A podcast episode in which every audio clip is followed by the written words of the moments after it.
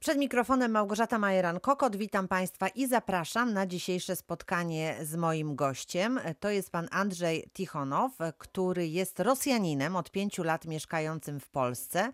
Osoba niewidoma, która jest bardzo aktywna fizycznie i która planuje coś ciekawego we Wrocławiu. Witam pana serdecznie. Dzień dobry, witam wszystkich bardzo serdecznie. Panie Andrzeju, co to za projekt z siłownią? Dla kogo? Jak to się ma zadziać? Ten pomysł e, powstał, ponieważ chciałem wziąć udział w konkursie. Konkurs się nazywa Homan Prize. To jest konkurs organizowany przez amerykańskie e, Stowarzyszenie Niewidomych Lighthouse for the Blind and Visually Impaired. I konkurs polega na tym, że osoby niewidome z całego świata zgłaszają swoje pomysły, żeby coś dobrego zrobić dla środowiska osób niewidomych słabowidzących.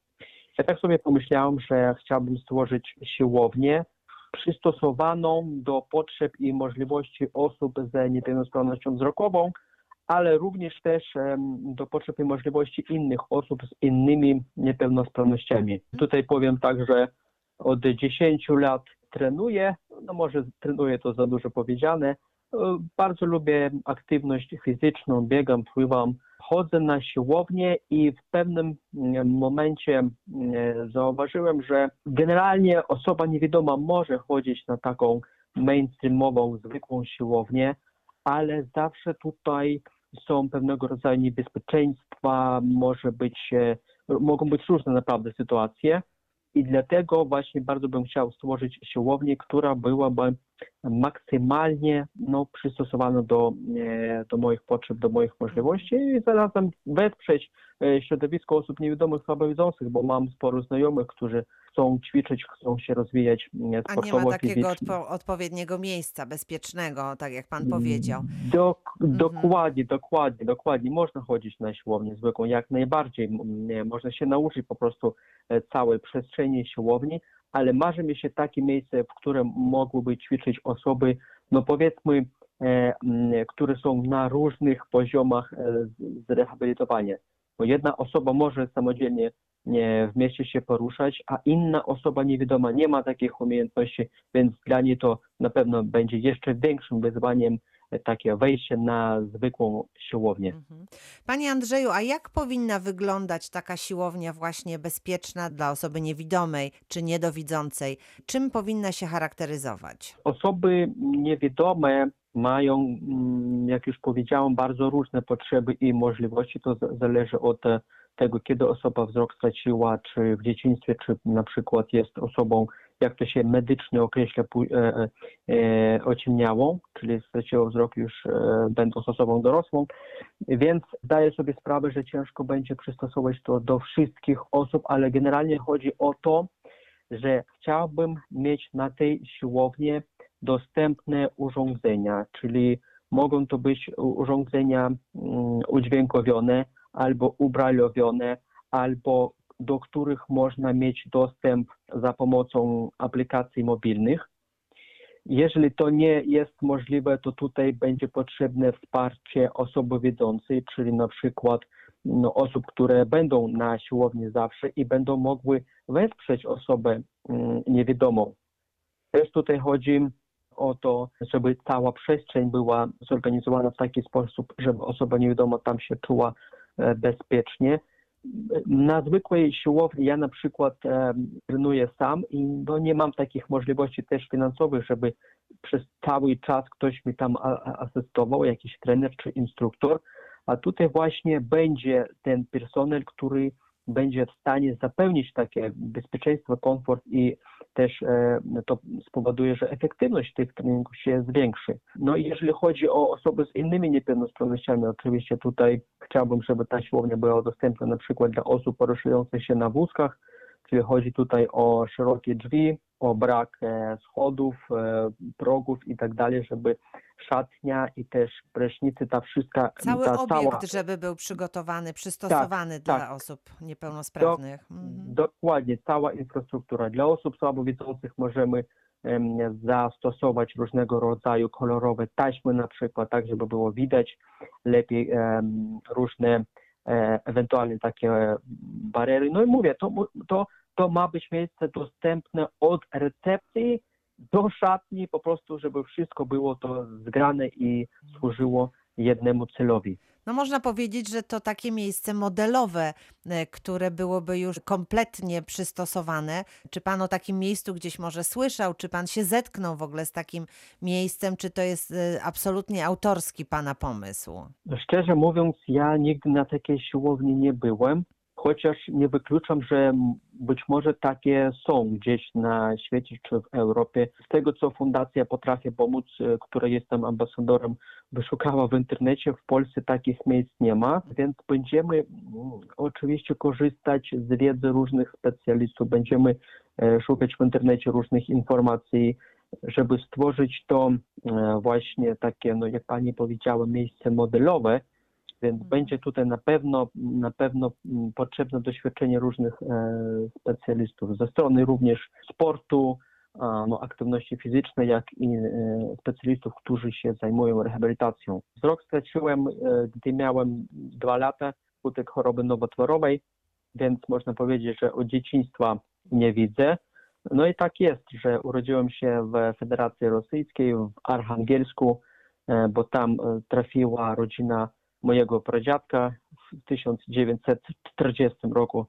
Wiadomo, jakie wydarzenia wtedy były na terytorium Rzeczypospolitej Polskiej. No Czyli więc mam pan ma polskie pocho- polskie korzenie. Mhm. tak, tak, dokładnie. W rodzinie niestety m, te tradycje polskie, ta polskość, że tak powiem, m, no nic takiego u, u nas nie było, bo, bo, bo, bo to było, no dziadek po prostu, e, pradziadka już nie pamiętam, a dziadek na przykład nie mógł po prostu o tym mówić, nikt o tym nie wiedział tak naprawdę, że, że właśnie rodzina ma polskie pochodzenie. Później się e, jeden z członków rodziny na Ukrainie znalazł dokumenty, tak myśmy dowiedzieli, że no, Że pochodzimy taka z- jest historia rodziny. Dokładnie, dokładnie. I postanowiłem, że no, powrócę do, do kraju pochodzenia dlatego tutaj we Wrocławiu mieszkam z żoną od pięciu lat i dokładnie studiuję na Uniwersytecie Wrocławskim, jestem doktorantem. Zna pan e, też inne uczelnie na świecie. Jak pan ocenia e, właśnie to przystosowanie wyższych uczelni dla osób e, z niepełnosprawnościami? Tak, studiowałem na Uniwersytecie w Rosji, tam ukończyłem studia magisterskie. To było, ukończyłem studia 13 lat temu już. E, Wtedy tam sytuacja wyglądała naprawdę fatalnie. Teraz e, już lepiej wiem, że tam działa Centrum Wsparcia Studentów z Niepełnosprawnościami. Też studiowałem w Stanach Zjednoczonych na Michigan State University. No i oczywiście wtedy, jak e, przyjechałem do tego uniwersytetu w ramach programu Fulbright, to zobaczyłem zupełnie inny świat. Inny świat co do dostępności, co do zaspokajania, zaspokajania potrzeb studentów z niepełnosprawnościami. Ja teraz studiuję na Uniwersytecie Wrocławskim i widzę, mm, jakby to powiedzieć, że to jest coś tak pośrodku. Pomiędzy, Oczywiście, tak? Pomiędzy, tak. Tak, mhm. Jeszcze nie ten, nie taki poziom jak na, na Michigan State University, ale rzeczywiście sytuacja jest moim zdaniem znacznie lepsza niż była taka, którą, którą miałem doświadczenie na Uniwersytecie Federacji Rosyjskiej 13 lat e, temu, bo mam na uniwersytecie różnego rodzaju mm, wsparcie, na przykład jest wypożyczalnie sprzętu specjalistycznego, no, wypożyczam tam monitor bralowski, jest możliwość korzystania z usług asystenta mm, dydaktycznego.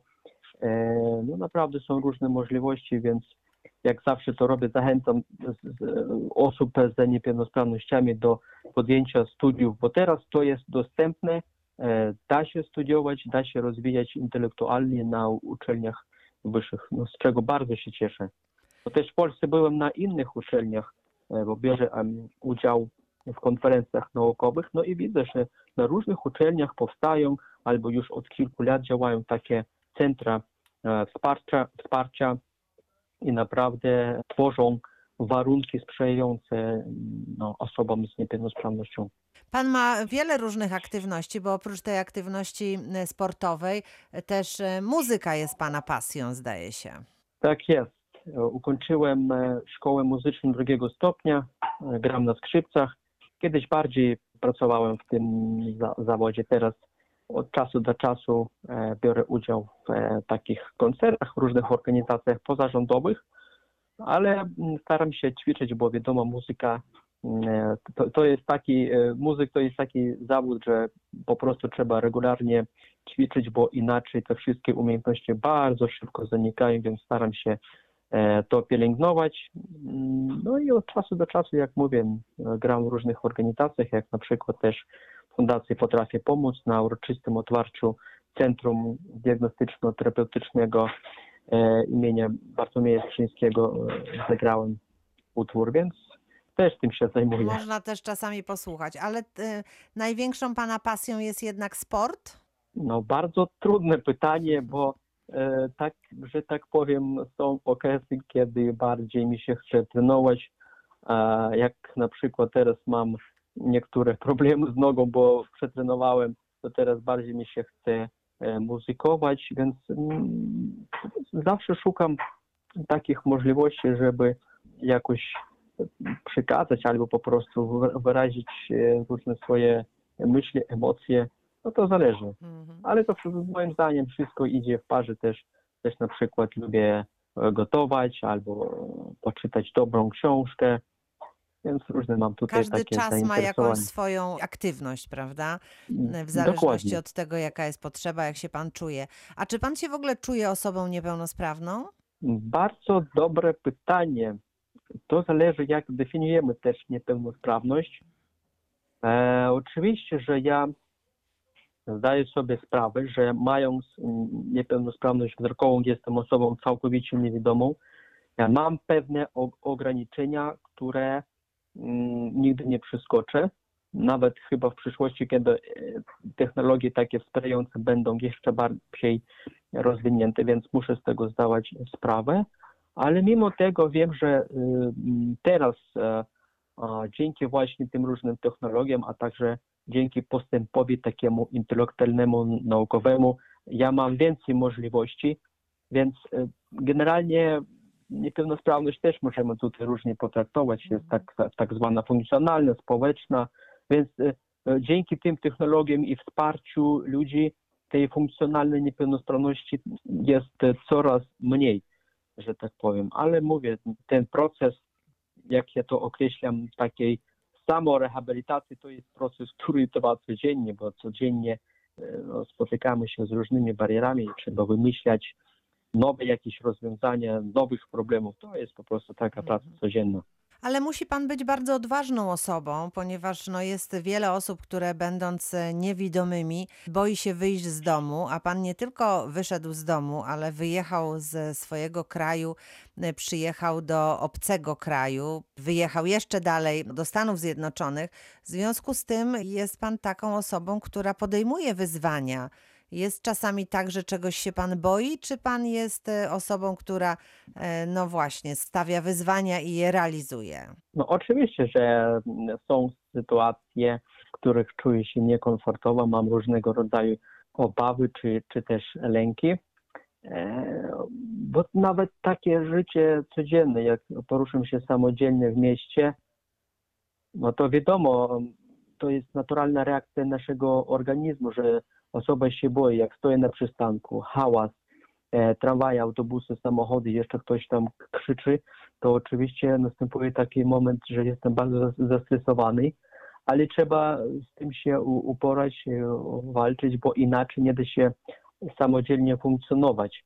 A tak już jest od dzieciństwa, że rodzice, cała rodzina mnie bardzo wspierała i wszystko robili mm, tak, żebym w przyszłości był osobą samodzielną, no bo rodzice zdawali sobie sprawę, że nie będą e, mogli zawsze mną się opiekować, no i po prostu w taki sposób mnie wychowywano. Jak pamiętam, mama uczyła wszystkiego, jak w domu różne takie rzeczy, powiedzmy, codzienne robić. Ojciec uczył, e, nie wiem, aktywności fizycznej i tak dalej. Mm, No więc po prostu to już tak chyba od dzieciństwa mnie jest, że po prostu lubię różne, różne aktywności, lubię też społecznie się angażować i, i tak dalej. Ale I mówię, że Mhm. Został pan ambasadorem Fundacji Potrafię Pomóc. tak, tak, bardzo, bardzo z tego się cieszę, że możemy teraz e, różnego rodzaju takiego, ta, takie e, współdziałanie podejmować, jak na przykład razem nagraliśmy ten filmik do tego e, konkursu Holman Prize. Świetnie, lubię właśnie takiego ro- rodzaju różne przedsięwzięcia. No to w takim razie życzę, żeby było ich jak najwięcej. Ale jeszcze mnie interesuje to gotowanie, bo e, mówi się potocznie, że można e, jeść oczami. A pan oczami na pewno nie je, bo nie widzi pan potraw, które pan przygotowuje, ale za to może ma pan wyjątkowo dobry smak. Tutaj taka kwestia, że te wszystkie e, pozostałe u mnie zmysły da się ćwiczyć, da się też trenować. To chodzi o słuch, o węch też, no i e, być może tak jest, bo ja lubię w kuchni też, e, że tak powiem, improwizować, to jak samo, tak samo jak w muzykowaniu. E, I często robię tak, że nie korzystam ze przepisów, a po prostu coś wymyślam, próbuję połączyć różne smaki. No nie zawsze to wychodzi, ale czasem coś bardzo ciekawego można w taki sposób znaleźć. Też prowadzę mój e, kanał na YouTubie i tam próbujemy, mm, bo, do, bo robię to z żoną, bo ona nagrywa, żeby to też e, z punktu widzenia wizualnego dobrze wyglądało. Próbujemy pokazywać, co osoba niewidoma może robić i oczywiście też jakie ma ograniczenia. To jest taki film e, bardziej dla osób właśnie, które mają obok siebie osoby niewidome, żeby pokazać, jak to życie może wyglądać, e, jakie są problemy, na co zwrócić uwagę. Tak, tak. Ja tak e, precyzyjnie nie, nie, nie, nie zdefiniowałem jakby grupy albo grupę odbiorców, ale myślę, że to, to są takie filmiki przydatne zarówno dla osób widzących, jak i dla niewidomych. Więc na moim kanale Tichonow Mówi to można znaleźć no, takie różne materiały. Mam nadzieję, że dla kogoś pomocne. E, No to w takim razie, e, jeżeli ktoś zainteresowany, to szczegóły właśnie e, można poobserwować pana Andrzeja na jego kanale YouTube i zobaczyć, jak to wszystko dzieje się w rzeczywistości. Jeżeli siłownia powstanie, to kiedy? Na razie mamy taki pomysł wstępny. Ubiegamy się o te środki ze Stanów Zjednoczonych.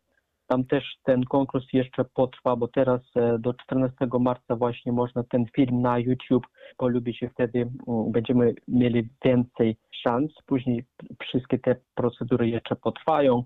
Chyba wyniki do- dopiero będą e, na początku czerwca.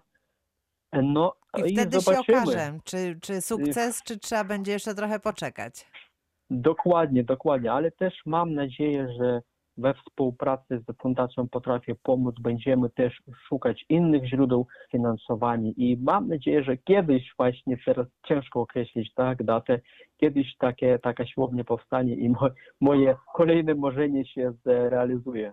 Bardzo dziękuję za rozmowę. Tego właśnie życzę, aby nasza następna rozmowa była już o tym, jak udało się to marzenie zrealizować w miejscu, w którym być może ta siłownia powstanie. Pan Andrzej e, Tichonow był dziś moim i Państwa gościem. Bardzo dziękuję za spotkanie. Bardzo dziękuję. Ja również dziękuję. Małgorzata Majeran-Kokot. Do usłyszenia.